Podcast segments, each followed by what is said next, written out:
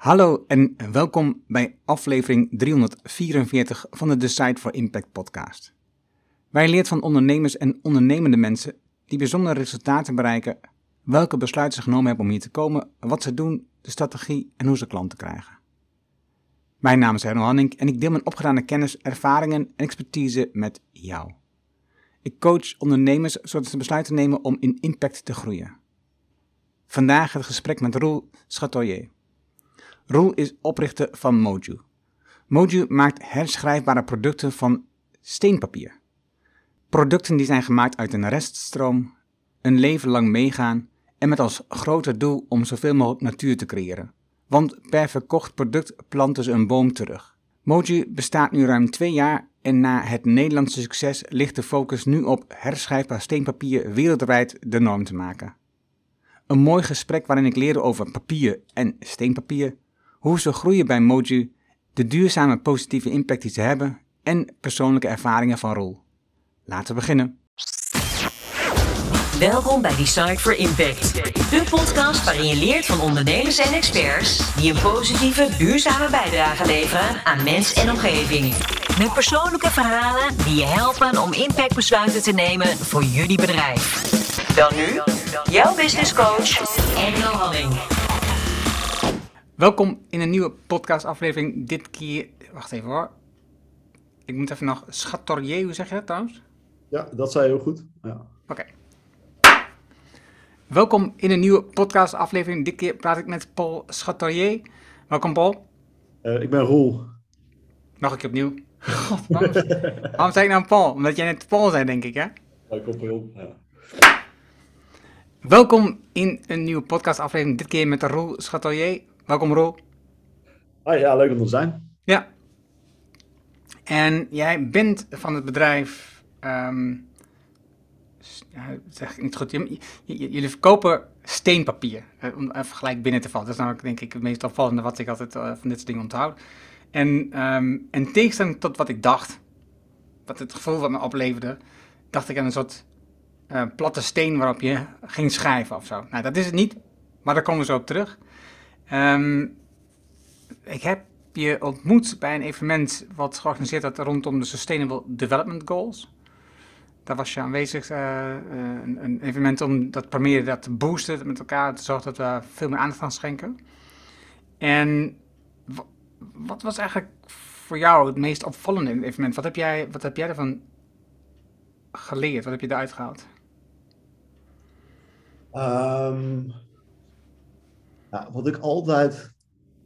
Um, ik, vond, ik vond het. Ik weet niet meer precies wat het, wat het thema was, maar het was. Wat kun jij doen om zoveel mogelijk mensen te, uh, te inspireren? En ik geloof dat het een miljoen was. Of wat komt dat?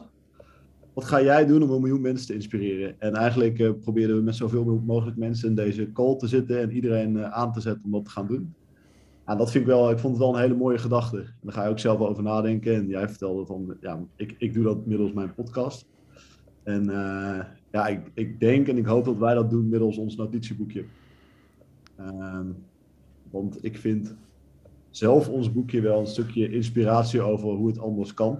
Ander materiaal, ander gebruik van, van het product. Uh, een verhaal rondom bomen planten. Dus ik hoop elke persoon die ons boekje in handen krijgt, uh, ja, dat het een soort olievlek wordt naar nog meer mensen. Wat vind jij eigenlijk van die development goals? Wat, heb jij een bepaald doel, hebben jullie met elkaar een bepaald doel uitgekozen waar je aan bijdraagt of hoe zie je dat? Ik, uh, ik ken ze goed van mijn tijd toen ik bij de Rabobank werkte, maar ik moet wel eerlijk zeggen dat wij vanuit Mojo daar minder echt direct mee bezig zijn. Als in, we hebben best wel een duidelijke missie en visie waar we heen willen. En die raakt al die SDG's goals wel, maar wij communiceren zelf daar niet, bijna niet op. Uh, anders dan dat als wij bedrijven hebben die uh, een aanvraag bij ons doen, dat we dan zelf wel zeggen, wij zitten op een stukje betere consumptie en op, uh, en op een stukje natuur. Ik weet eigenlijk niet uit mijn hoofd welke nummers dat zijn. Nee, dat weet ik ook niet. Maar, waar, waar, waarom communiceer je daar niet op? Um, omdat wij um, eigenlijk vanuit onze bedrijfskant zouden dat wel meer kunnen doen. Maar ik geloof, ik geloof heel erg dat de, dat de SDG goals een soort versimpeling zijn om met z'n allen te communiceren op wat we met z'n allen moeten gaan doen. Zodat het heel duidelijk is voor ons allen van oké, hier moeten we met z'n allen aan werken. Maar onze communicatie zit heel erg op ja, misschien iets meer een wat zachtere kant. En dat is mensen weer verliefd laten worden op de natuur.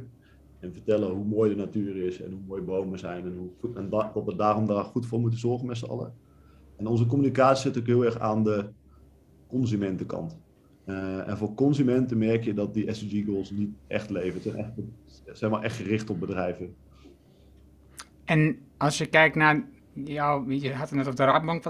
Wat, wat, wat, speelde dan bij de Raadbank daar rol in dan?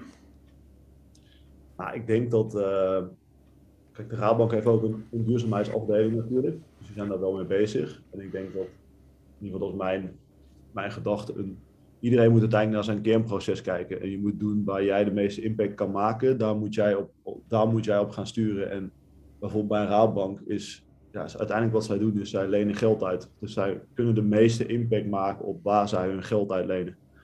Uh, ja, dus hun financieringsportefeuille, daar moeten ze gewoon naar kijken. En uh, wat je gewoon zag bij Rabobank is dat, nou, ik zat daar zes, zeven, acht jaar geleden, is dat, uh, is natuurlijk heel veel agro-food. En ze hadden bijvoorbeeld een palmolie-initiatief om dat duurzamer te maken. En destijds waren er wel, ja, je zag gewoon, wij, wij voerden toen intern gesprekken bijvoorbeeld. Uh, je zag gewoon dat het toen heel erg ging leven bij de, bij de lokale banken. Van wat moeten we daarmee en moeten we met klanten gaan praten? Want eigenlijk als accountmanager weet ik eigenlijk helemaal niet zoveel over duurzaamheid, maar ik vind het eigenlijk wel belangrijk. En, en je zag dat wij destijds moesten we altijd, ik was dan financieringsspecialist, dus ik beoordeelde dus bedrijven en dan schreven we eigenlijk meer de, wij omschreven hoe goed wij vonden dat een klant het deed op basis van duurzaamheid.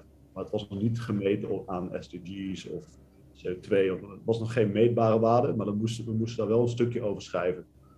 Dus je schreef, ik vind dat de, de klant zo en zo scoort op basis van duurzaamheid om die en die redenen. En dat werd altijd meegenomen en de klant kon een korting krijgen op financiering als ze daar goed op deden.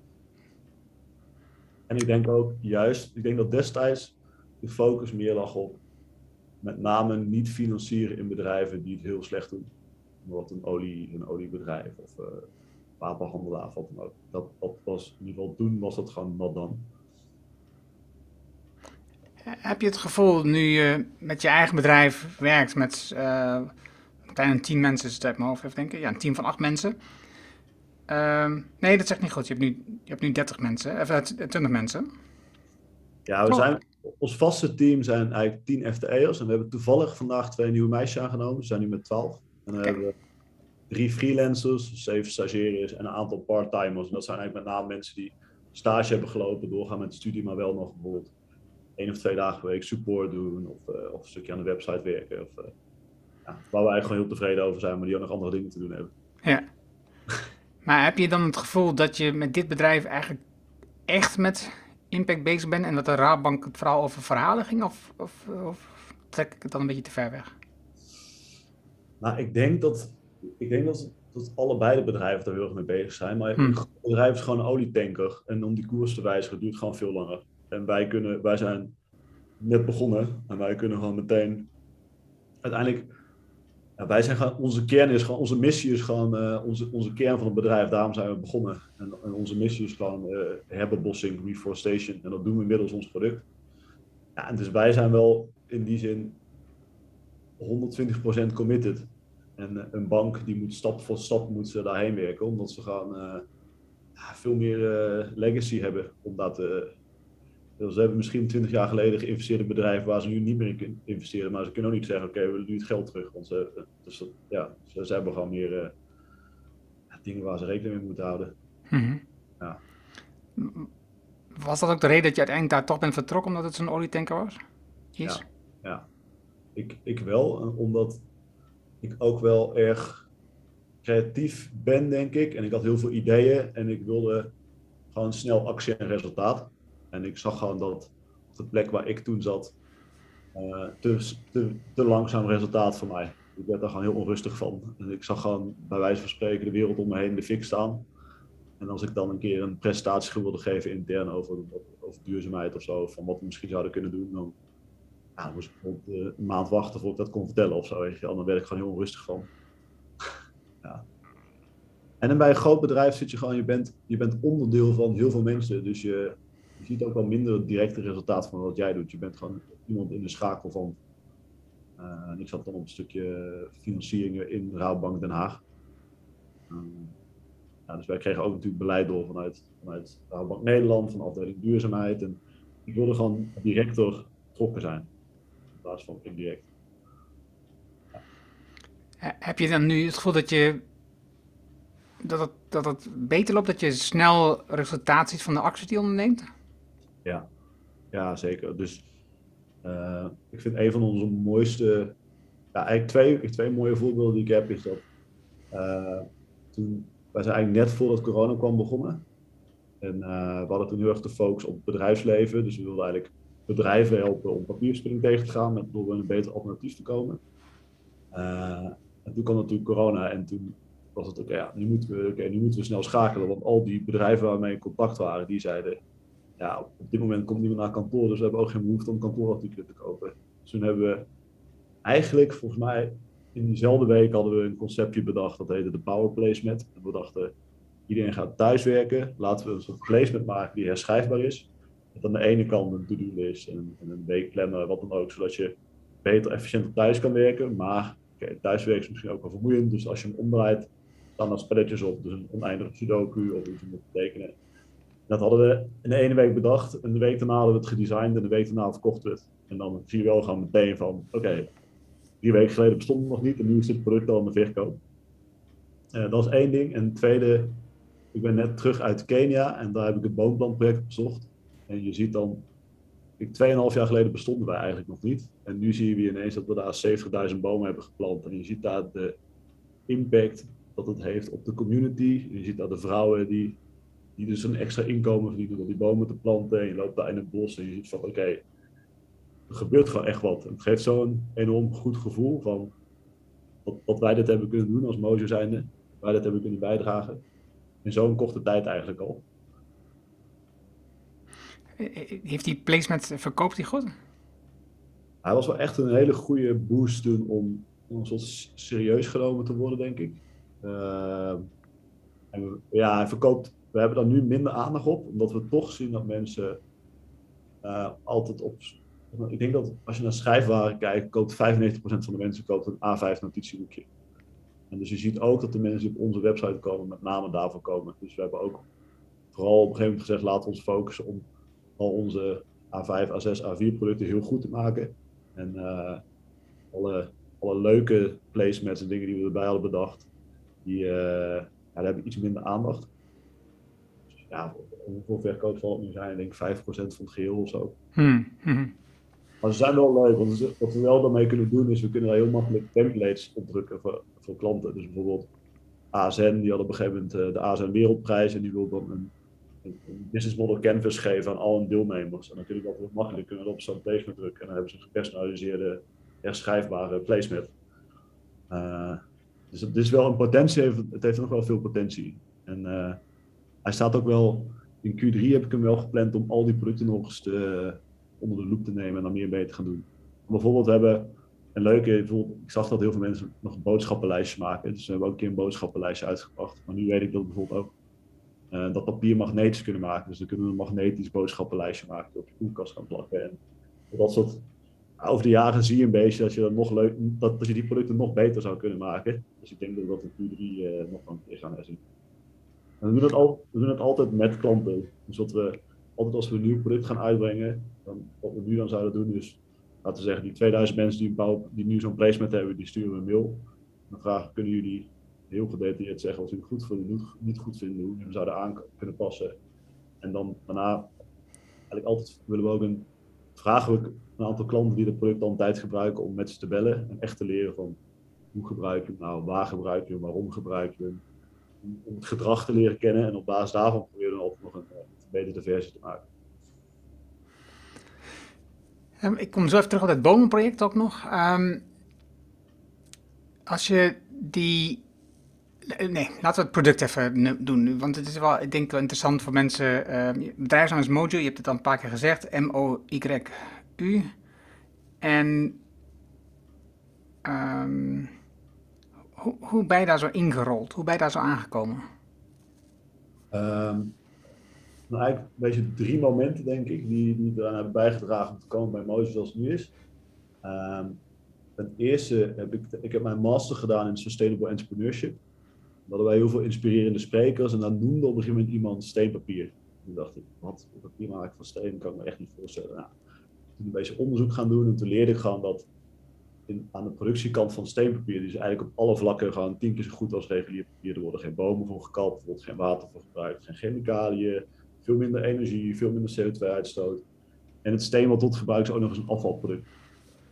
Het nadeel van steenpapier is uh, dat het nog niet.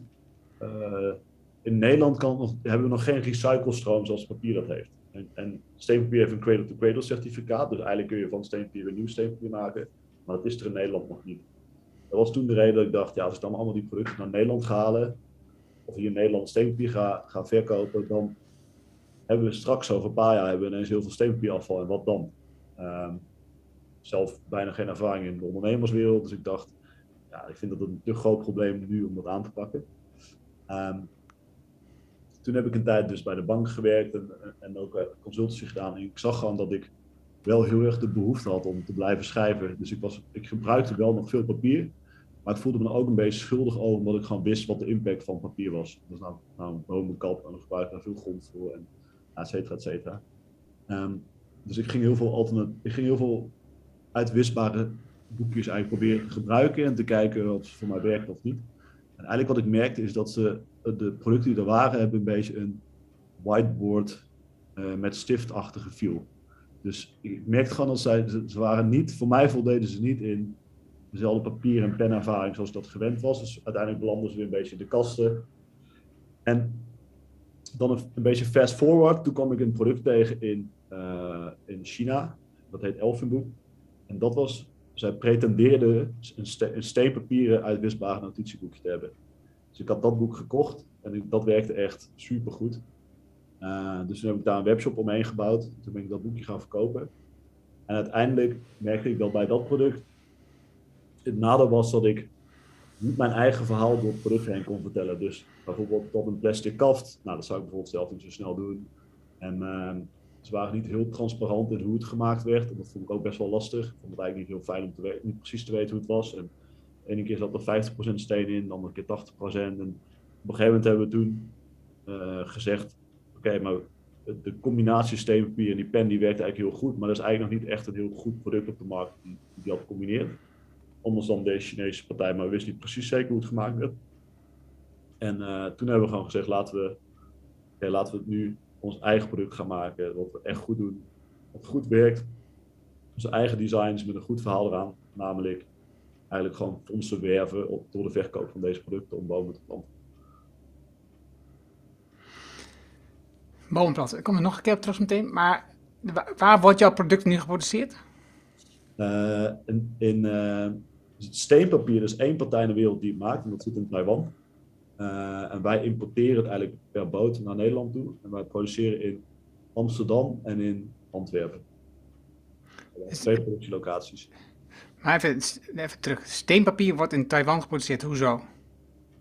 Omdat je hebt daar de, eigenlijk het product is daar uitgevonden. En uh, je hebt daar de mijnindustrie zitten. En zij halen marmor uit mijnen. En eigenlijk het restproduct van die marmermijnen is kalksteen. Dat is eigenlijk een witte steen van zichzelf.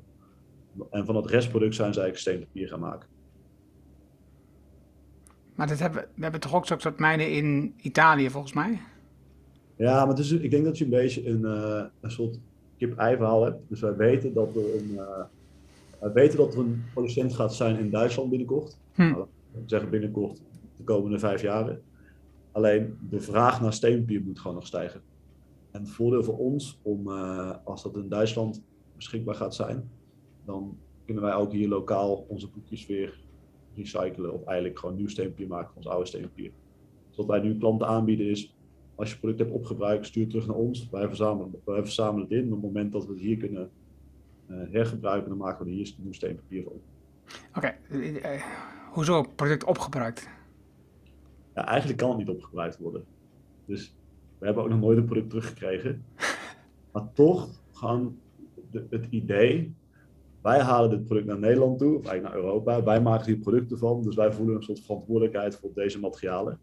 En deze materialen zijn eigenlijk super goed te recyclen. Ehm, dus wat en wat je ziet is bijvoorbeeld dat iemand een jaar lang een boekje gebruikt, of anderhalf jaar, en dan zeggen ze, nou, ik ben eigenlijk wel uitgekeken op de omslag. En dan uh, kopen ze een nieuw boekje. En wat moet je dan met het oude boekje? Nou, wat we eigenlijk weten nu is dat mensen het vaak gewoon in de kast laten staan, want het werkt eigenlijk nog best wel goed. Uh, maar in theorie, we willen ook gaan aanbieden van mocht je het nou echt niet meer willen hebben, stuur het dan terug naar ons en dan kunnen wij het weer uh, hergebruiken. En dus dan haal je het papier, gaat dat dan in, in rollen of gaat dat dan? Uh, ja, het sheet? Ja, kan beide. En wij laten het daar snijden op de goede mate, zodat we er hiermee direct boekjes van kunnen maken. Dus het komt bij ons op pallets en, uh, en vellen. En dan um, wordt het hier bedrukt? Klopt. Hier bedrukt en dan ingebonden. Sommige bij een boekbinder, sommige met een ringband. Ja. Kan, ik er wel, kan ik er zelf wat op drukken als ik dat zou willen? Nee, helaas. Nee. Uh, zijn wel, zijn, we weten wel dat er bijvoorbeeld Xerox is er wel mee bezig om te kijken of je kunt printen op steenpapier. Uh, maar ik weet, niet, ik weet niet of ik daar zo'n grote fan van ben. Want dan heb je eigenlijk, als je stel dat je iets op print en daarna weer weggooit, heb je nog, alsnog een soort single-use stone paper. Nee, nee oké, okay, ik zal je laten zien wat ik bedoel. Uh, voor degene die de video aan hebben, dan kan dat, uh, dat is voor duidelijkheid. Als je niet de video hebt, dan moet je maar gewoon uh, een beeldvorming hebben. Ik um, heb zo'n vel, een daily tracker noemt een collega van mij dit. Ja. En daarin hou ik dingen bij die ik doe. Dat is natuurlijk een formulier wat ik heb, zelf heb gemaakt. Maar wat ook um, in het begin zeker aan uh, verandering overhevig was. Hè. Dus, ik, dus ik had niet in één keer het juiste moment, ik moest dingetjes aanpassen. Ik ging mee werken, toen kwam ik achter, het moet toch wel anders. En, um, en zo heb ik er ook een aan de achterkant, dat is dan de weekoverzicht. En ik print het nu uit gewoon op normaal papier. En maak elke week een setje nieuwe van drie blaadjes, ja. dubbelzijdig. En dus de gedachtegang die bij mij opkwam was van, god, kan ik dit niet dan zo maken dat ik het dan telkens weer kan gebruiken? Want dan heb ik gewoon negen blaadjes en die poets ik hem schoon aan het eind van de maand, zeg maar. Ja, ik denk dat, dat eigenlijk zou je dus met één blaadje zou je vooruit kunnen. En, ja. Uh, wij zouden dat heel goed voor je kunnen drukken, maar het kan nu alleen nog door een drukpers. Het kan niet door een normale printer heen. Maar het nadeel in jouw geval is dat je dan eigenlijk al met één blaadje klaar zou zijn. En wij kunnen geen druk doen van één blaadje, maar wel, nee, van, precies. Wel, wel van een paar honderd. Uh, ja, de inkt pakt gewoon niet zo goed van een normale printer op een, op een steenpapiervelletje. Dus het droogt gewoon niet zo goed. Oké. Okay. Maar wij doen, nou, dit is wel een voorbeeld vergelijkbaar met die van de ASN-bank. Dus het, dit, is, dit soort templates drukken wij wel veel voor bedrijven die zeggen: ja, wij gebruiken altijd dit template om, uh, om uh, voortgangsgesprekken met, uh, met onze medewerkers te doen. En dan zeggen we: ah, kunnen we dat hier doen, want daarna kun je het uitwisselen. Ja. Maar ja, in jouw geval heb je dan tot nu, nu gebruik je een paar honderd vel per jaar en, en dan heb je er nog maar eentje nodig. Dus. Nee, maakt niet uit. ik, ik, ik, dat komt vanzelf een keer. Ja. Um, even, nog, even nog beter te begrijpen dat, dat product. Hè? Dus je zegt, uh, het wordt gemaakt van steengruis. Um, en, en echt mijn eerste beeld, en, en nog steeds zit het beeld in mijn hoofd. Het gaat eigenlijk maar niet weg. Hè? Dus, ik heb gewoon een, een, een, steen, een, platen, een steenplaat vormen in mijn hoofd. Dat het, het in een boekje zit. Maar het, het is net als papier. Als ik, als ik iemand een velletje steenpier zou geven en die zou niet weten dat het steenpier was, zou hij niet weten dat het, dat het steenpier was. Het voelt gewoon papier. Het enige is, het voelt iets gladder. Dus je denkt waarschijnlijk, ja, je hebt wel eens van die flyers die wat gladder voelen of zo. Dan denk je, oh ja, het zal wel dit type papier zijn. Ja. Maar dat is wel leuk hoor, want veel, ja, vaak weten mensen dat niet. Als we het niet zouden zeggen, weet je het niet. Nee. We hebben bewust een wat dikkere... Kijk, je kunt het eigenlijk in elke dikte drukken. Dus dat velletje wat je net- net liet zien, zo dik kan steenpapier zijn. En wij hebben een iets, iets dikkere variant, omdat het daarmee... eh, wat je gewoon ziet is dat daarmee minder indruk als je erop schrijft. En daardoor vaker uit te wissen is in het herschrijven. Dus het wordt gewoon iets steviger. Oké, en, en dan zei je eh, eh, geen water, geen bomen. Oké. Hoe, hoe, hoe wordt het gemaakt? Ja, dus je hebt eigenlijk het, het, de, de kalkstenen zijn al wit van zichzelf. En dat wordt vergruist tot een poeder. Eh, dat kun je vergelijken gewoon met de krijt waar je mee op een bocht schrijft. Mhm. Dat is al wit van zichzelf. En dat wordt gebonden met een HDPE, dat is een plastic. Eh, en dan heb je eigenlijk 80% steenresten en 20% HDPE. En, dat, is dus, en dat, dat plastic is dan een bindmiddel en dat bindt eigenlijk dat, dat steengruis aan elkaar. En dan wordt het eigenlijk geperst in platen. Oké, en daarmee klinkt het voor mij gelijk minder milieupositief. Hè? Dus bij papier heb je dan water, uh, pulp.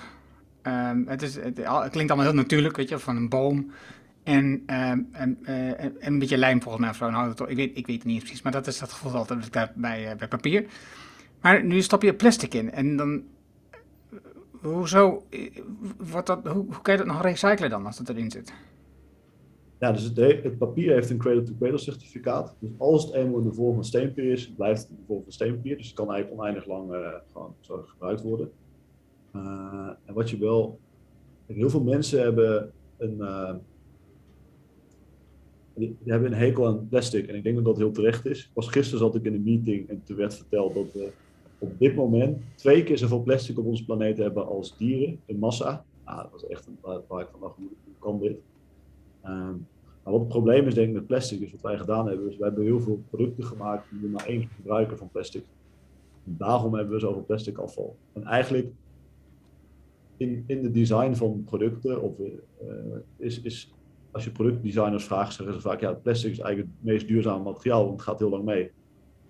En, maar we hebben dat, dat materiaal wat heel lang meegaat ingezet voor producten die we niet heel lang gebruiken, als een plastic tasje. En daardoor hebben we gewoon heel veel plastic afval. Uh, ja, verpakkingen van, van, van uh, producten, verpakkingen van voedsel. Ja, ik denk, dat, ik denk dat, dat we daar een hele grote fout hebben gemaakt. Uh, maar jij zegt kredel to kredel. En dan, ehm, dat betekent dat als je het eenmaal in de papiervorm hebt, dat je hem niet stuk maakt meer. Snap ik dat goed? Ja, cradle to cradle betekent eigenlijk dus, stel dat zij, stel dat zij ehm, alles wat, wat als een soort rest is van, vanuit het productieproces, kan direct weer erin opnieuw worden ingestopt. Er kan een nieuw steenpapier van worden gemaakt zonder toevoeging van extra steenmineralen, plastic, wat dan ook. Dus je kunt, daar heel, kunt eigenlijk in, in de vol van steenpapier blijven houden. Dat betekent dus ook dat het steenpapier wat gebruikt is, als het schoongewassen wordt, kan het ook weer gebruikt worden om nieuw steenpapier te maken. Dus dan, dan was je het en dan wordt het weer vergruist en dan wordt er weer steenpapier gemaakt? Dan krijg je gewoon korreltjes eigenlijk, ja. Ja, ja oké. Nee, dus dan snap ik het. Oké, dus het product wordt dan wel eerst weer stuk gemaakt en dan wordt er een nieuw product van gemaakt. Ja. Ja. En dan, en, dan maakt het niet uit dat er plastic erin zit dus? Nee, door dat plastic kan dat eigenlijk. Hmm. Dat is een beetje het komen. Ja. En uh, ik, voor ons, wat ik al in het begin zei, voor ons, uiteindelijk, ons, uiteindelijk creëren we met ons product eigenlijk heel weinig afval. Want het is gewoon meer dan 500 keer te herschrijven. Dus daarmee, ja, we creëren bijna geen afval. Terwijl je normaal papier maar één keer gebruikt. Maar uiteindelijk, uiteindelijk wordt iets afval. Of, of of je moet er dus iets nieuws van maken. Dus wat het certificaat kunnen we er nieuw zeepapier van maken. Waarom heb je daar dan bomenplanten aan gekoppeld? Uh, eigenlijk, de bomenplanten kwam vanuit mijn intrinsieke motivatie, omdat ik gewoon ontzettend veel van de natuur houd. En als je gewoon kijkt naar hoe onze planeet ervoor staat, is er gewoon heel weinig ruimte voor natuur, dieren, planten, waar ik eigenlijk heel graag kom. En je ziet gewoon dat we steeds minder ruimte hebben voor gewoon een stukje wilde natuur. Um, dus ik wilde eigenlijk gewoon mijn tijd hier op deze planeet vooral inzetten om meer natuur te creëren. Um, en daar komt bij dat uiteindelijk is het probleem met waarom we zo weinig natuur hebben, is gewoon dat we heel veel land gebruiken voor, uh, ja, voor, bijvoorbeeld voor landbouw, maar ook voor plantages van bomen, voor de papierindustrie of voor producten te maken, wat dan ook. Um, dus uiteindelijk is die link met papier, steenpapier, emoji is best wel goed gelegd, doordat we zeggen, uh, we kappen geen bomen van ons papier, maar we planten ze juist terug. Dat is een dubbel positief effect eigenlijk. En waarom plant je dat dan Kenia niet gewoon, want jij woont in Rotterdam of zo, geloof ik toch? Ik woon in Utrecht en we werken in Amsterdam. Ja. ja. Ik heb zelf in, uh, ik heb zelf een jaar in Kenia gewoond. En het was een natuurgebied. Ja, ik vond dat uh, eh, Hondenmaan Kenia het mooiste gebied waar ik ooit geweest was. En ik kwam daar zo graag, bijna elk, ja, gewoon elk weekend dat ik kon, ging ik daarheen. En uh, ik kwam nog achter dat daar bijna 2.500 hectare aan bos is weggekapt, illegaal. Dat is nu een beschermd natuurgebied. En dat willen ze eigenlijk uh, ja, gewoon terugbrengen in, in, in, zijn originele staat. Dat doen ze dus door bomen terug te planten. En ik vind het mooi aan dit project is wel dat dat die bomen worden teruggeplant door de lokale community. Dus dat geld gaat ook naar de, naar de mensen zelf toe. In dit geval zijn het ook nog vaak vrouwen die iets onderaan de maatschappelijke ladder staan. Dus die hebben eigenlijk geen inkomen en ook niet echt een rol in die maatschappij. Omdat ze bomen gaan planten, krijgen ze een extra inkomen. Maar ook, als je ziet in die community, die, zijn, die leven nog veel meer gelinkt aan, aan de natuur. Dus als iemand een bijdrage gaat leveren aan een leefgebied, eigenlijk aan de natuur, dan, dan iedereen ziet dat dat waardevol is en belangrijk, waardoor die vrouwen eigenlijk alleen daardoor al stijgen op de maatschappelijke ladder. Ja. Als je kijkt naar het gewone uh, papier, wat ik net in beeld bracht, het gewone printpapier, waar komen die bomen, waar komt dat papier eigenlijk vandaan? Ja, veel uit Zweden, Finland. Ja, dan vaak met vrachtwagen deze kant op. En uh, ja, lastig, lastig is, is dat de papierindustrie heeft ook wel best practices, waarin uh, bijvoorbeeld één velletje A4 kost gewoon 10 liter water om te maken. Um, maar er zijn ook best practices waarin wat minder water wordt gebruikt. Alleen zie je dat gewoon een paar procent van de papierfabrieken dit, dit gebruiken, waardoor in de communicatie vaak wordt gezegd, ah nee, maar papier is helemaal niet zo slecht. Weet je wel, want het kan namelijk op deze manier gemaakt worden, maar alleen dat gebeurt vaak niet. En dan heb je een soort heel veel van die papierfabrikanten, die hebben al bomen aangeplant. En die hebben ook stakes in die boomplantprojecten. Dus die hebben er heel veel baat bij dat we papier blijven maken van bomen in plaats van alternatieven. En dat zijn een investeringen uiteindelijk. En jullie papier komt dan uit, uh, uit Taiwan. En dat komt met het boot hierheen. Ja. Hoe, um, hoe zit je daarmee? Want hetzelfde denk ik ook, je gaat dan af en toe nog naar Kenia. Uh, en dan vlieg je er naartoe. Ga ik vanuit, want anders is het denk ik vrij lastig. Maar hoe zit je dan daarmee met, met, met de transport en het reizen um, in dat gedeelte, als je kijkt naar jouw drang voor goede natuur? Ja, ja goede vraag. Dus je, je hebt, Kiwa heeft een onderzoek gedaan naar papier versus steenpapier. En daarin hebben ze eigenlijk de volledige footprint meegenomen. En de, het papier uit uh, de Nordics komt eigenlijk met vrachtwagen, bij ons met boot. En dat is eigenlijk wel best wel met elkaar te vergelijken. Dus er is niet een heel groot verschil tussen. Ik weet niet of, of, of met de boot beter of slechter is. Een tijd geleden dat ik een rapport heb gelezen. Uh, maar eigenlijk in de aantallen die ik dan noem van, van CO2, voetafdruk, van uh, gewoon veel beter uit. En daarin is meegenomen het transport naar Nederland toe. Er is een onderzoek gedaan door het Nederlands Instituut. Uh, en wat jij zegt met vlucht, ben ik met je eens. En eigenlijk vlieg ik niet probeer gewoon niet te vliegen, tenzij het voor lange afstanden is en er eigenlijk geen alternatief is. En uh, nu heb ik het een beetje gecombineerd met boomplantprojectbezoeken, documenteren maken en een korte vakantie. Dus ik heb eigenlijk tegen mezelf voor één keer per jaar mag ik gewoon wat langere vlucht doen. En uiteindelijk is het ook wel zo, er gaat, er gaat best wel wat geld heen. En ik was gewoon heel erg benieuwd van, was er eigenlijk nog nooit geweest. Ik heb wel heel veel mensen die ik dan wist van als je naar Kenia gaat, kun je langs het project gaan, kun je, kun je me laten weten wat je ervan vindt, zonder dat ik zeg maar invloed had dat ik het een heel goed project vond. Um, en ik wilde gewoon checken, wat, wat is nou de impact van als er ineens heel veel geld naar een bepaalde community gaat? Heeft dat nou een positief effect, een negatief effect? Nu gaat er x bedrag heen, maar over vijf jaar misschien wel twintig keer zoveel geld. Je wilt ook weer niet dat het ineens... kan ook een heel negatief effect hebben als ineens heel veel geld naar een bepaalde community gaat ik wil ook wel gewoon zien wat is een soort van de capaciteit die dat project kan hebben. Want je hebt heel veel boomprojecten die we zouden kunnen ondersteunen. En misschien is het wel zo, ja, dit project heeft met 50.000 euro per jaar voldoende. En dan kunnen we die andere 50.000 euro misschien beter aan een andere community geven. Um, de conclusie is wel voor mij dat, uh, dat er voor ons nog best wel veel rek in zit. We hebben nu 70.000 bomen gedaan, maar zij hebben dit jaar bijna een miljoen bomen gedaan. Dus ook met andere partners hebben ook meegeholpen.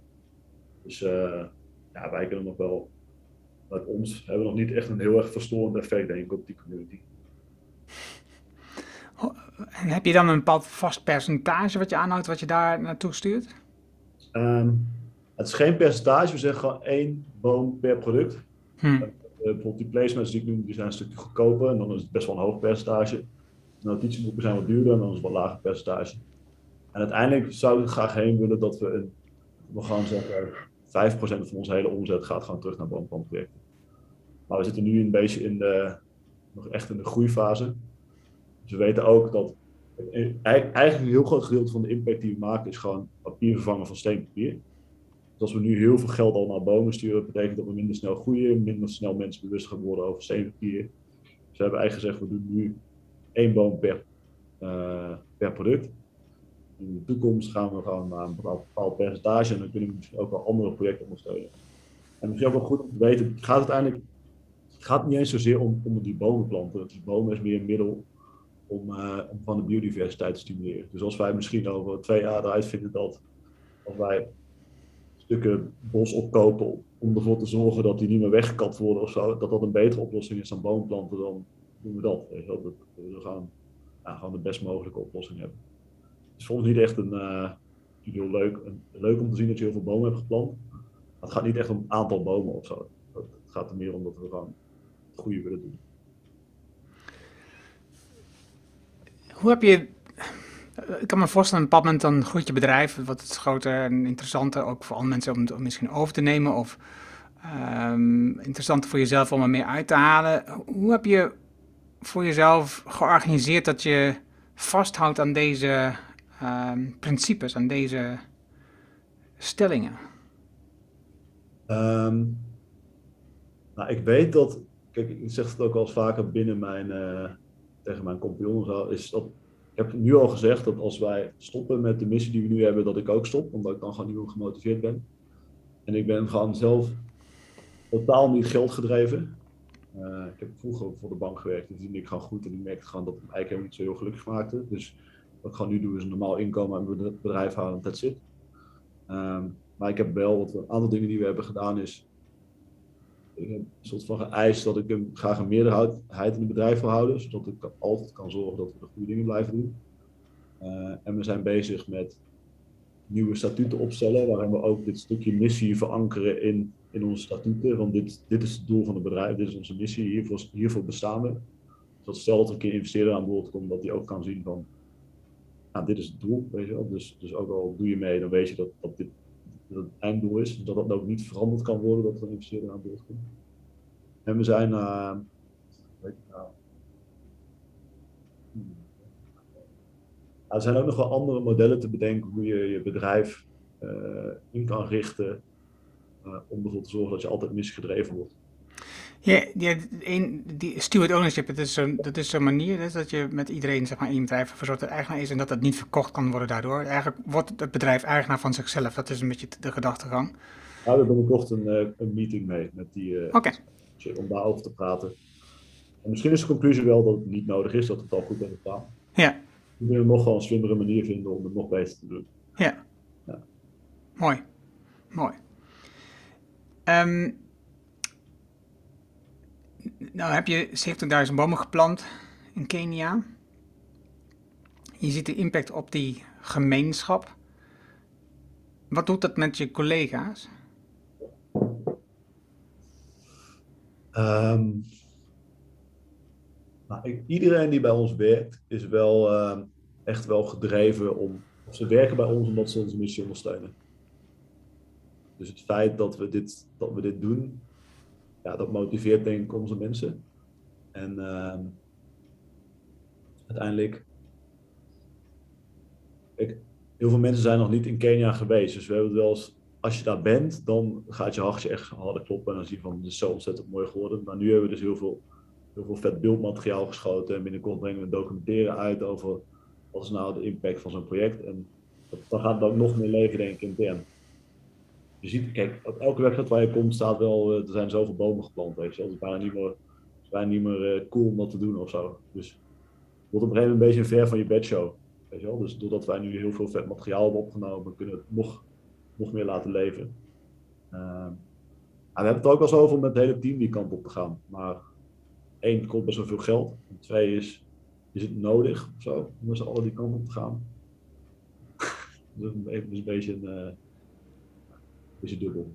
Ja, snap ik. Het motiveert wel, en dat betekent dat mensen nog gemotiveerder en nog harder voor onze missie zouden kunnen gaan werken, maar tegelijkertijd ga je wel met z'n allen vliegen. Dus. Ja. ja. En wat doet het met klanten? Um, wat doet het voor klanten? Nou, eigenlijk leerde ik laatst dat, zoals dat laatst bij een klant, die had een x aantal boekjes gekocht. En wij communiceren eigenlijk nog veel te weinig over, over die bomen die we planten. En toen zat ik bij die klant en toen vertelde ik van dat ik net in Kenia was geweest. Toen zei hij, planten jullie ook bomen dan? Ik zei, ja, wist je dat niet? Het staat zelfs in een boekje, maar wist je dat niet? En toen, en toen zei hij, hoe, het gevoel wat ik nu heb, het feit dat ik door jullie 120 bomen heb kunnen planten, is echt een van de beste gevoelens die ik echt in mijn leven heb gehad. Gewoon dat ik dit heb kunnen bijdragen. Dat is ook wel een van de redenen dat we denken, we moeten dat veel meer benoemen. Want het is, het is ook gewoon heel mooi als je gewoon kan zeggen van, hey, we hebben deze bomen samen geplant. We hebben nu, uh, volgende week komt een nieuwe website lang, uh, live. En dan gaan we ook al veel meer praten over de boomplantproject of gewoon direct de impact laten zien. We hebben ook dan een impact meter die we die jij op je product kan zien als je product koopt. Zie dus mijn impact, maar ook wat is de totale impact. En voor bedrijven, die krijgen dan ook een impact certificaat. Zo van, dankzij jou hebben we deze impact kunnen maken. Dus het bedrijf zelf ook kan laten zien naar buiten, eventueel of intern aan de medewerkers. Want wij hebben samen dit, deze impact gemaakt op dit product ons, soms, soms denk je ook dat iedereen alles weet of zo, weet je wel. Maar dan, dat iedereen alles goed leest, maar dat is eigenlijk helemaal niet zo. we hebben instructies in het boekje staan hoe je het gebruikt. En dan staat, zijn vier stappen. Schrijf met de pen. Als je, als je niet meer wat hebt, scan je notities in. Dan maak je het doekje nat en dan wist je het uit. En ik denk dat er nog... Er staan vier stappen in. Ik denk dat nog drie, vier keer per dag mensen zeggen, krijg niet uitgewist.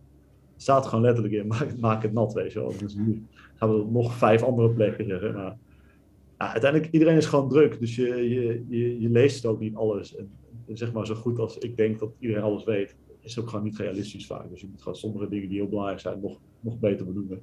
Dan leer je ook gewoon onder Ik herinner me een um, artikel van um, Derek Sivers over hoe maas, uh, massa-e-mailing um, je scherper maakt. Zeg, als je massa-e-mailing uitstuurt naar al je klanten. Um, en er zit een fout in. En dan krijg je gewoon duizenden mailtjes terug van mensen die het niet begrijpen, de fout niet hebben gesnapt of de fout aan je aangeven of wat dan ook. Het, is, het is een hele goede training, zo'n massa-e-mail. Net als dit echt, denk ik, hetzelfde. Het is een, zo, zo, als je zoiets doet, het is een hele goede training om te leren hoe je kunt communiceren, opdat iedereen het werkelijk ziet. Opdat het niet te missen is. Want nu kost het je geld, want mensen gaan je bellen of gaan je mailtje sturen. De, de, de helpdesk wordt mee belast. Um, klanten zijn misschien ontevreden in het begin, dat ze denken, ja, hey, je moet wisbaar zijn. Dat is niet, is niet hey, kan toch niet wissen. Hoe kan dat nou? Dus het, is een mooie test, vind ik altijd, als je zoiets doet, om te zien, is het werkelijk goed? Nou, stuur het gewoon heel veel mensen tegelijk en dan kom je er snel genoeg achter. Ja, ja bedoel, maar hij heeft ook al, bij ons heeft hij ook al pijn gedaan. We hebben wel samples naar bedrijven gestuurd en dat ze dan achteraf zeiden, oh nee, we hebben niet voor jullie gekozen, maar niet uit, wist er gewoon niet uit. Als je het doekje nat gemaakt, oh, ik ga het even proberen. Oh shit, nu weet het echt supergoed. Ah, ah, dat had ik eigenlijk eerder moeten weten. Dan denk ik, ja, hadden wij ook eerder moeten weten. Ja, dan is het onze fout. Maar goed. Ja, maar dit, en dit, het klinkt echt te, te, te dom voor woorden eigenlijk dit. Maar dit is wel, dit is echt de kern waar het om draait. En, en, dit, en ook mooi wat ik hoorde in ons vorige gesprek ook al. Um, is, wat jullie dus doen is dat je heel veel contact met klanten om dit soort dingen uit te vragen. Je hebt heel veel persoonlijk contact met bellen en mail.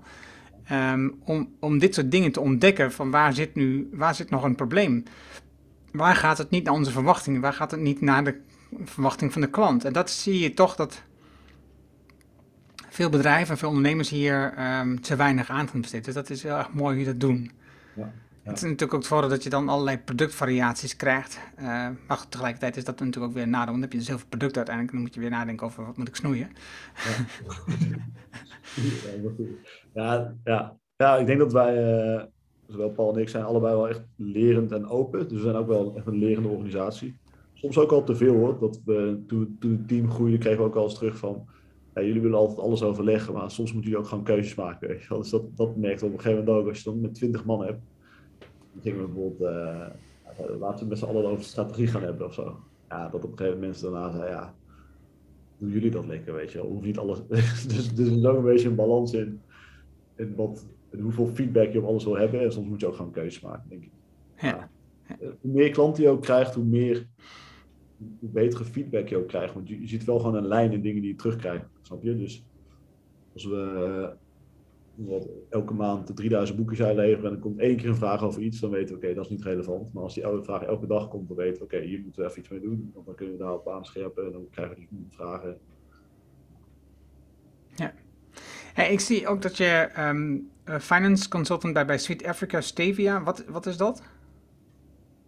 Ja, dus eigenlijk wat ik mijn carrière is een beetje geweest. Ik heb, ik heb dus economie gestudeerd. Toen heb ik anderhalf jaar consultancy gedaan bij financieel bedrijfsmanagement. En wat we eigenlijk deden is wij hielpen MKB-bedrijven met ophalen van financiering. Dus we schreven financieringsmemoranda, gingen in gesprek met de banken. Ons, ja, we dachten die financieringsconstructies uit. En toen heb ik dat, daarna ben ik een tijd bij een Raadbank gaan werken. En heb ik het eigenlijk vanuit de kant van de Raadbank gedaan. Als er een klant naar ons toe komt, dan moet wel of niet financieren en hoe, hoe, hoe ziet deze financiering eruit. En toen liep ik wel een beetje leeg op het stukje financiering, omdat het gewoon, je zit gewoon heel veel Excel-modellen te. En, uh, toen ben ik naar Kenia gegaan. Dus ik heb het opgezegd, ik ben naar Kenia gegaan. Toen heb ik een half jaar voor Charlie's Travels gewerkt, een, een reisstartup die dus off the beaten track reizen deed. En toen kwam ik in contact met een Nederlander en die was een project op aan het zetten. Dat heet Sweet Africa Stevia. En wat we eigenlijk deden is, die had al een NGO waarin die boeren hielp met het um, iedereen in Kenia heeft gewoon een stukje land. Dat erven ze gewoon van de, familie. Dat ze allemaal doen, ze zetten daar mais neer of zo. Er leeft eigenlijk niks op. Niet qua geld, maar niet qua voedingswaarde. En wat wij dan deden is die boer voorzien van de juiste dingen, zodat ze daar meer betere voeding uit konden halen en meer geld uit konden halen. Dus de juiste zaden geven, opleiding geven, irrigatiesystemen, mulching. En uiteindelijk kwam, kwamen we tot de conclusie dat er een, een plantje is, stevia, dat was gewoon een high value crop. Dus eigenlijk in Kenia wordt heel veel uh, thee gekweekt, omdat thee heel veel geld oplevert. Maar stevia levert eigenlijk nog meer op. Dus dat we eigenlijk die boeren, dat we met die boeren aan het experimenteren waren, is als je nou de helft van jouw stukje land stevia neerzet, kopen wij daarna het stevia voor je op. En dan verkopen wij dat uh, maar grootschalig aan een partij in. Uh, in dit geval was dat dan China. Um, en daarmee kreeg deze NGO ook een soort eigen businessmodel. In plaats van dat je de, afhankelijk was van funding, van, van de donerende partners, kregen wij daardoor een soort businessmodel, we konden die even opkopen en doorverkopen. Uh, dat project is uiteindelijk, mijn rol daarin was die financiële modellen maken. Hoeveel boeren moeten we hebben, waar verkopen we het in, hoeveel financiering hebben we dan nodig, microfinancing. En uh, uiteindelijk is dat niet, dat het project is niet heel erg, uh, niet heel erg goed gegaan. Als in, ik denk dat we te lang hadden eigenlijk gewoon veel sneller kleinschalig boeren stevig moeten gaan laten kweken. En we aan de slag gaan. We hebben denk ik heel lang uh, modellen zitten bouwen. We hadden een beetje de, we moesten best wel groot gaan, wilden we serieus worden genomen door de Chinese partij. En tegelijkertijd, zo groot wilden gaan, moesten we ook heel veel boeren aansluiten en daar heel veel financiering ophalen. En daar zat het hele beetje tussen de vechten van. wat is nou een beetje een, goede, een goed begin om te starten aan, uh, qua hoeveelheid boeren. En als jij uh, over microfinanciering praat van, van ondernemers um, in Kenia of boeren in Kenia, wat, wat, voor bedragen heb je het dan over? Um, we hadden het toen vaak over een beetje afhankelijk van hoe groot de boer was en of we wel of niet irrigatie aanlegden. Maar het ging, eigenlijk wilden we een soort, we hadden een beetje zo'n soort instapmodel. Dus om te testen van, oké, eerst gaat de boer gewoon klein beginnen, krijgt gewoon alleen stekjes stevia aan. Dan moeten ze zelf water doen. En als ze dat dan goed doen, kunnen ze een irrigatiesysteem kopen. En dan kunnen ze daarna ook nog een waterpomp kopen. Zodat we niet zeg maar in één keer die boer met 2000 euro opzadelden. Maar dat we wel gaan. Uh, wij wisten wel dat de productie gewoon aanzienlijk omhoog ging als we, als we wel irrigatie aanlegden en wel een waterpomp hadden en zo. Maar je hebt ook wel ja, je wilt ook niet een, een, boer die eigenlijk niet serieus is ineens 2000 euro lenen. En dan uiteindelijk erachter komen van, oh, dit was eigenlijk helemaal geen goede boer. Dus ja, we hadden een soort instapmodel gemaakt. En dan elk, als dat dan de eerste stap, als dat dan goed ging, dan de volgende stap, et cetera, et cetera. Dus het ging om uh, een beetje, een beetje beginnen vanaf, als zeg 200 euro tot 2000 euro. Oké. Okay. Maar wat voor die boer dan binnen twee, drie jaar wel terug te verdienen hoor. Dus dat was wel, uh, ja, ik bedoel, papier is geduldig. In onze modellen was dat op die manier terug te verdienen ja, eh, het is een onderwerp waar ik zelf uh, over aan nadenken ben, over uh, het financieren van, van ondernemers zeg maar, in, in, op het zuidelijk halfrond. en dan, dan, heb je dat over microfinanciering. Ik denk dat de meeste mensen, de meeste ondernemers, weinig financiering nodig hebben en daardoor ehm, uit, uit de misère komen en daardoor dus nieuwe inspiratie en creativiteit krijgen. Ik sprak met um, Willem Gauws, die zit in Zuid-Afrika. En eh, hij heeft het over dat je dus gewoon mensen helpt om, ondernemers helpt om um, in, in een maand tijd een bedrijf, eigenlijk 21 dagen, een bedrijf op te zetten. Um, zodat ze gewoon geld verdienen en zodat ze daarmee uh, inzetbaar worden en, en nuttig zijn. En uh, doordat ze geld verdienen, uh, kunnen ze brood kopen en hun kinderen naar school sturen. En daarmee is, zeg maar, is de eerste zorg is weg. En is er daar nog ruimte om verder te komen? Hè? Dat, als je ze gewoon geld geeft, dan hebben ze gewoon nog steeds die zorgen. En dan weten ze niet wat ze moeten doen. En hij zegt, ik ga ze gewoon helpen om te ondernemen. Dus ik vond dat idee heel erg mooi. En je had het net ook over, bij jullie bomprojecten in, in Kenia, over vrouwen. Dan ben ik ook even benieuwd, is het voor jou ook zo dat vrouwen daar een belangrijke rol spelen in, in de samenleving? Um, ja, ik weet het niet zo goed hoe ik dat moet zeggen, maar uiteindelijk, je merkt gewoon dat in wat kleinere, dat we buitenaf gebieden in Kenia, is het gewoon één community of zo. Het is niet dat vrouwen of mannen belangrijker zijn. Hmm. Een, misschien wat traditionele rolverdeling. Voor bij de Maasai band, ja, dan is een, een, een Maasai man heeft gewoon een aantal vrouwen. Dus ja, een vrouw heeft gewoon een andere rol daarin. Daar ben ik het niet mee eens, maar ja, dat is gewoon hoe, de, hoe die cultuur ontstaan. Maar ja, dus wel van een beetje meer het gevoel doen met z'n allen. Bij in Nederland is gewoon iedereen, iets, iets meer iedereen van zich.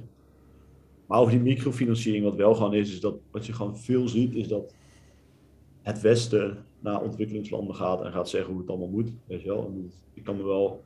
Het is wel echt zo dat als je een beetje. Willem Gauws noemt nu, geloof ik. Willem Gauws, ja. Ja, on the ground bent, dan kun je denk ik wel echt impact maken. Want dan ben je met de mensen en dan zie je ook, kun je ook aanvoelen wat de problemen zijn dan kun je daarop inspelen.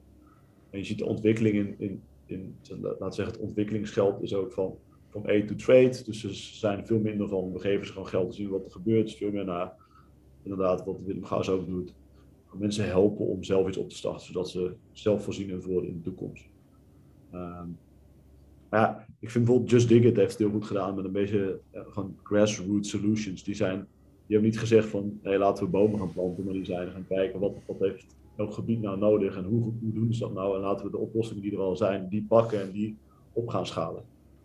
En de NGO die wij supporten is ook ontstaan door een man die in dat gebied woonde en zag, yo, als wij iets willen bijdragen aan deze community, moeten we met z'n allen bomen gaan planten hier. Wat is, wat is uh, een worsteling waar je nu vooral tegenaan loopt? Uh, Moju, met Moju voor duidelijkheid. Ja, precies. Nou, ik denk dat wij nu wel op dit, gewoon intern gezien, organisatorisch, zitten wij gewoon op een fase dat we eigenlijk qua product en team denk ik best wel goed. We kunnen eigenlijk schalen. Het product is gewoon heel erg goed. Dus we willen eigenlijk heel erg opschalen naar Frankrijk, Duitsland. Ook met de gedachte, hoe sneller we dit aan de man krijgen, hoe minder bomen er uiteindelijk sneuvelen. Uh, maar tegelijk zit er denk ik ook wel een rek in uh, een soort van ons kunnen met het team. Weet je wel. Uiteindelijk is de vraag, staan we, is onze organisatie ook klaar om zo snel te gaan schalen? En je ziet nu dat we de laatste maanden heel hard aan het trekken zijn om die organisatie goed te krijgen. Systemen op orde, processen, ook financieringsronden. Uh, ja, een soort professionaliseringsslag. Waar we twee jaar geleden met z'n tweeën waren, een jaar geleden met z'n tienen, zijn we nu ineens met 25. En dat, ja, als je met z'n met z'n vijven daar rondloopt bij een vriendengroep en iedereen weet van iedereen wat iedereen aan het doen is en dus gewoon, het gaat gewoon goed en het is leuk. Met 25 moet je allemaal wel, ja, het wordt gewoon wat serieuzer. En dat we die, die stap zijn we gewoon aan het maken. Ik heb uh, overigens met Willem Goos de aflevering 343 en, en dit is aflevering 344, dus het is de vorige aflevering. En je had het dus straks over Q3. Ik moet even, even nadenken dat ik mensen die tijdlijn even meegeef. Dus we zitten in, nu in, uh, in Q1 van 2022 en hebt het over Q3 van 2022. Um, ehm, ik heb een gesprek gehad met um, Rob van den Dol van Jumeco. Mm -hmm. Jumeco, um, ik zal de link in de show notes vermelden, kun je naar het gesprek luisteren. Jumeco maakt dekbedden um, van dons wat niet is geplukt van levende ganzen en eenden. dus als je naar de meeste dekbedden kijkt, dan zie je dat het um, uh, is gemaakt van, van, van, dons van gans of eenden. En meestal is dat dan gedaan door die, door die beesten leef te plukken, omdat je dan vijf keer kunt plukken van zo'n beest. Je kan je gelijk voorstellen als je een beest leef plukt, dat het niet echt heel erg fijn kan zijn. Oh, ja. Wat ik merkte bij hem, um, en hij, de achtergrond heeft hij mee, want hij heeft uh, de, ne de, WNF Nederland geloof ik opgezet uit mijn hoofd. Of in ieder geval zo'n soort organisatie in opgezet. Um, is dat hij heel activistisch is. En dus in zijn. Je, je voelt, je proeft zijn gedrevenheid, zijn activisme om het product te maken. En ik ik denk dat, als ik eh, even feedback mag geven, ik denk dat jij of jullie een greintje van het activisme zouden mogen overnemen. Ja. En als je kijkt naar um, wat je schetst van. Ik stel een paar vragen en dus ik on, dan heb je het over plastic en papier. Uh, je hebt, of niet het steenpapier, je hebt het over de transport met de boot. Het wordt in Taiwan gemaakt. Um, er zitten elementen in waarbij je als onwetende uh, nou ja, vragen hebt van hoe zit dat dan eigenlijk? Hoe, gaat het dan? En, uh, maar tegelijkertijd weet jij met je expertise dat het veel minder vervuilend is en, en, en minder belastend is voor de planeet dan gewoon papier van bomen. En ik denk dat je dat gewoon echt gewoon veel scherper mag neerzetten, dat je het veel harder mag neerzetten. Um, en veel activistischer mag klinken. Um, en niet omdat je daarmee um, klanten wegjaagt, maar omdat je dus scherper mag neerzetten. Want je schetst net het voorbeeld dat dus die, die, die papierfabrikanten hebben gewoon bossen gekocht en hebben dus een belang dat het, dat het proces in stand blijft. En als, als er niet mensen zijn opstaan uh, om daar veel lawaai op te maken, Um, dan zullen zij met veel marketinggeweld blijven doorgaan met de, de verkoop en productie van goedkoop papier. Ja. het is wel, ik, ik vind, ik heb hier heel vaak over nagedacht, van wat, wat, wat, wat, is mijn rol, wat vind je leuk en waar ben je goed in? Um, binnen ons bedrijf hebben we wel, ik heb een beetje de stempel de idealist en mijn compagnon heeft de stempel de realist. Dus wij hebben altijd best wel, daardoor denk ik wel gewoon concreet goede plannen. Waarin ik droom over hoe de wereld eruit zou kunnen zien. En dan hij altijd zeggen, ja, maar ondertussen moeten we wel nog wat stappen nemen. Mhm. Maar het gaat er uiteindelijk om, misschien het moet ook leuk zijn, maar ik denk vooral dat je moet doen waar je goed in bent. Ik denk dat ik vanuit mijn vanuit natuur gewoon een persoon ben die vooral positief is. En gewoon de schoonheid van dingen wil laten zien. Dus wij hebben in het begin ook, begin communiceerden wij heel erg over, wisten jullie dat op 40 toebevelden en bos elke minuut worden weggekapt. En, en, weet, je, weet wel hoe slecht het allemaal voor staat uiteindelijk hebben we ervoor gekozen, laten we vooral ook het mooie laten zien. Gewoon mensen inspireren over hoe mooi de natuur is en de positieve kant laten zien. En dat dat een soort motivatie mag zijn van oké, als dan de natuur zo mooi is, laten we dan zo goed mogelijk met z'n allen voor zorgen. En ja, als ik ga, als ik, als ik weet ik veel, je zou, je zou kunnen zeggen, je kunt gaan lobbyen bij de papierindustrie of je kunt uh, misschien rechtszaken aangespannen of zo. Maar als ik daar aan denk dat ik dat moet gaan doen, Nee, dat, dat is ook niet wat ik denk dat je moet. Ik denk echt dat je, dat je het. Wat, wat je net schetst, dat voorbeeld, dat, dat, dat zo'n iemand dat niet weet, dat jullie daarvoor bomen planten en dat het zo'n fantastisch gaaf gevoel heeft. En, en door dus um, um, duidelijk te maken wat de belasting is van gewoon papier, en dus de mindere belasting van steenpapier in die verhouding bij klanten, ik denk dat je het gevoel versterkt. Eh, eh, dus, en, en wat Rob van den Doel ook zei, dus in eerste instantie gaat het over de kwaliteit van het product. Dat moet gewoon steengoed zijn. Woordspeling, goede grap. En dan, ha, ha, ha, Maar um, het tweede is natuurlijk, op het moment dat je het gekocht hebt, of laat, zeggen, laat, het, dan, laat het dan de laatste 5% van je besluitvorming zijn, is dat je daarmee iets goeds doet. Hè, jullie product is aanzienlijk duurder dan gewoon um, uh, papierproduct. Als je een papieren klap, dat is een stuk goedkoper. Maar dan, dus, dus wat je wil als, als, als klant is dat je denkt, ik doe echt iets goeds hier. En, en, en dus ik heb het gevoel als je dat meer aanzet, dat, dat, het, dat het voor de klanten, maar en ook voor jullie uh, collega's, um, nog beter voelt. En ik, ik, ik begrijp je, uh, uh, je gedachtegang. Ik, ik denk ook dat het goed is dat je, dat je uitgaat van het mooi. Ik ben ook optimistisch ingesteld. En tegelijkertijd weet ik ook dat mensen eerder, en, en dat klinkt ja, vervelend, maar eerder handelen als het negatief is. Wij, wij hebben gewoon eenmaal een grotere weerstand tegen negatieve dingen dan dat we um, iets positiefs overhouden aan het positieve, zeg maar. Ja, ja. Nou, vraag me dat af of mensen kopen op. Uh, ik, denk dat, ik denk dat het segment de hele donkergroene mensen kopen op, uh, op, op, uh, op, als we het probleem omschrijven.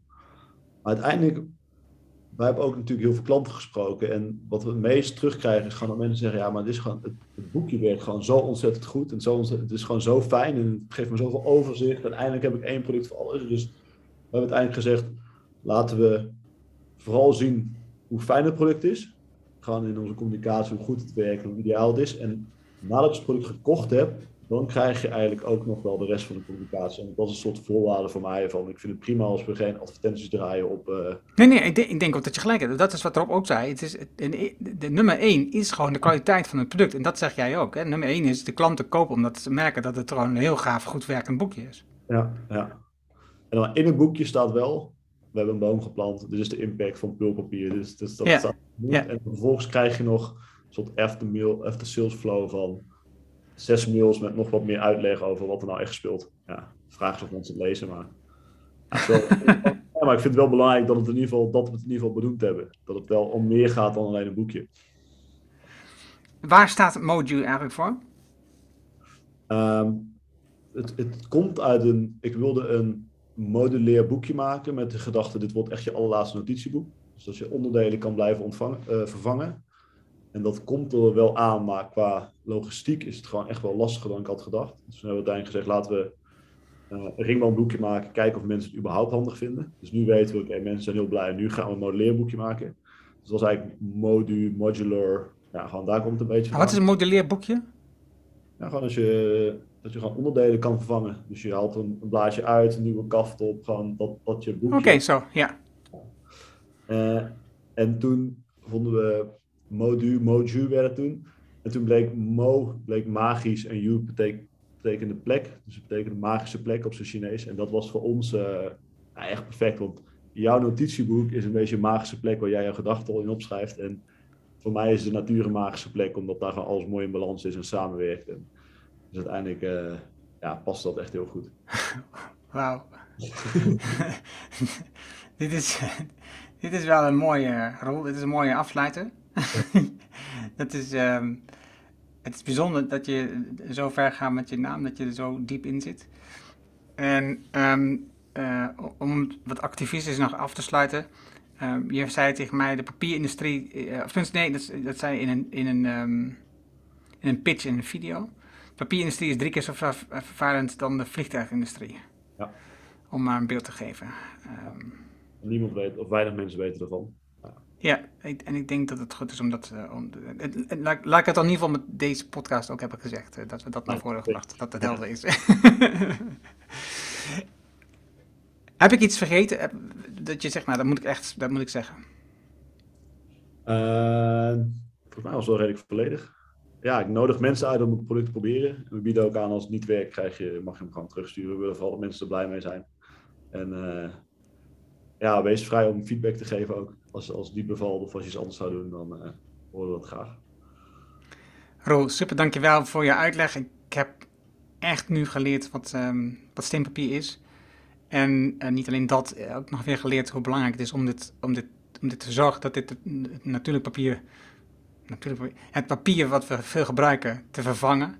Ja. En, um, en, en, ja, en niet uh, zonder reden, zoals ik al net al zei, drie keer vervuilend dan de vliegtuigindustrie, dus daar hebben we wat te doen. Ja. Dankjewel voor jouw werk. Ja, heel erg bedankt voor het gesprek. Ik vond het leuk. Ja. Dat was het mooie gesprek met Roel. Je vindt de namen en de links die we noemden in het artikel dat bij deze uitzending hoort. Ga daarvoor naar thesiteforimpact.com slash show 344. Wil je vanzelf automatisch de volgende aflevering op je telefoon ontvangen? Dat kan heel eenvoudig. Heb je een iPhone, dan zit daar standaard de Apple Podcast app op. Open deze app, zoek de Decide for Impact podcast op en klik op abonneer. Oh ja, en je moet tegenwoordig een vinkje aanzetten dat je de aflevering ook werkelijk wilt downloaden. Heb je een Android-telefoon? Installeer dan eerst bijvoorbeeld de Player FM app. Open deze app dan. Zoek de for Impact podcast op en klik op abonneer. Dankjewel hiervoor. Heb je vragen, opmerkingen, reacties over deze aflevering met Roel of over de podcast in het algemeen? Stuur dan een e-mail naar podcast.decipferimpact.com en ik hoor super graag van jou en ik lees elk bericht. Wil je leren hoe je ieder kwartaal 195 belangrijke acties realiseert? Wil je 7 tips hoe je uit de waan van de dag komt en de lange termijn doelen nu realiseert? Vraag dan het boek Impactbeslissingen voor een leider aan op decideforimpact.com. Dit is mijn nieuwste boek en daarom download je het nu helemaal gratis. Je hebt zelfs geen e-mailadres nodig. Er is ook een Kindle en EPUB versie. Wil je de papieren versie van het boek? Dat kan ook. Je betaalt dan alleen de verzendkosten. Omdat het mijn nieuwste boek is, krijg je het gratis. Vraag het daarom nu aan. Vraag jouw boek aan op decideforimpact.com en ik weet, je hebt een volle agenda, je leest het in één avond tijd. Dankjewel voor het luisteren en graag tot de volgende. Dankjewel voor het luisteren naar deze aflevering van de Decide for Impact podcast. Ga voor jouw volgende stap naar decideforimpact.com.